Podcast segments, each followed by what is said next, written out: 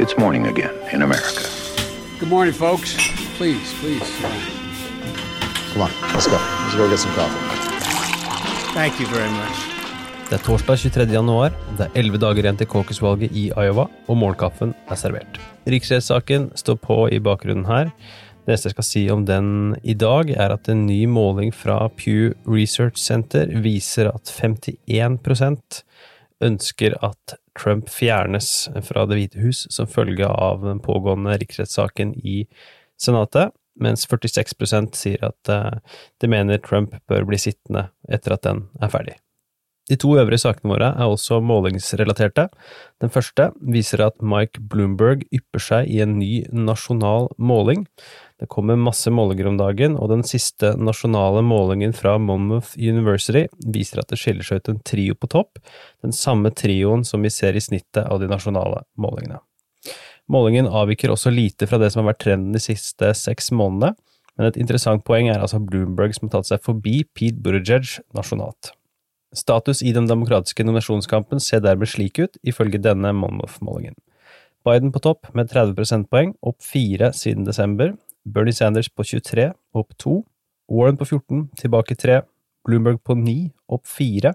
Burjaj på 6, tilbake 2. Og Klobuchar på 5, pluss 1. Og Yang nede på 3. Ingen endring. Patrick Murray, sjef for Instituttet for eh, valgmåling ved dette universitetet, uttaler da i forbindelse med resultatene at muligheten for større svingninger i eh, oppslutning først vil begynne å vise seg etter caucus-valget i Iowa og primærvalget i eh, New Hampshire.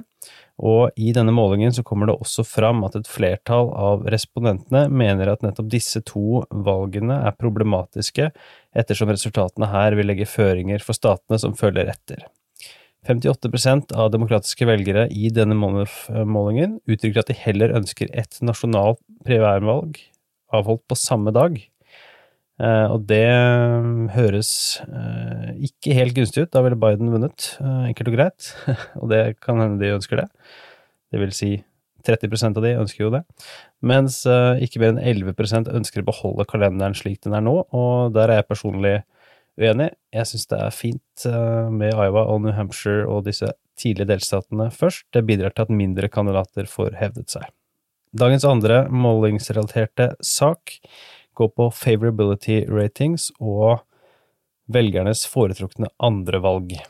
Det er Morning Consult som har en ny nasjonal måling, som foruten Bloombergs oppadgående kurve har fokus på at Bernie Sanders har falt 6 prosentpoeng i såkalt favorability rating. Det er ikke veldig mye, men konteksten er da altså disputten mellom Sanders og Warren under den forrige TV-debatten.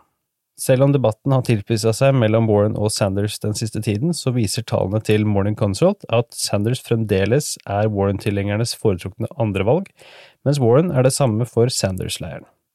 Kampen om å være et alternativ for de andre kandidatenes velgere ser da slik ut, ifølge Morning Consult, kan ta det kandidat for kandidat. Blant Biden-velgere så er det da Bernie Sanders som foretrekkes som andrevalg av 28% Warren av 21 og Bloomberg av 17 Blant Sanders-velgerne er det som nevnt Warren 30% Biden på hele 27% og Andrew Yang på 10 Blant Warren-velgerne Bernie Sanders på 37% Biden på 20 og Buttigieg på 11 Blant uh, Bloomberg-velgere Biden på 35% Sanders på 15 og Warren på 12 Og blant Buttigieg-velgere Warren på 20 Biden på 19 Bloomberg og Sanders på 13 det jeg tar med meg herfra, er jo da altså, i tillegg til at Sanders velgere har Warren som andrevalg, og Warren velger har Sanders som sitt andrevalg, så er det flere som her trekker fram Joe Biden.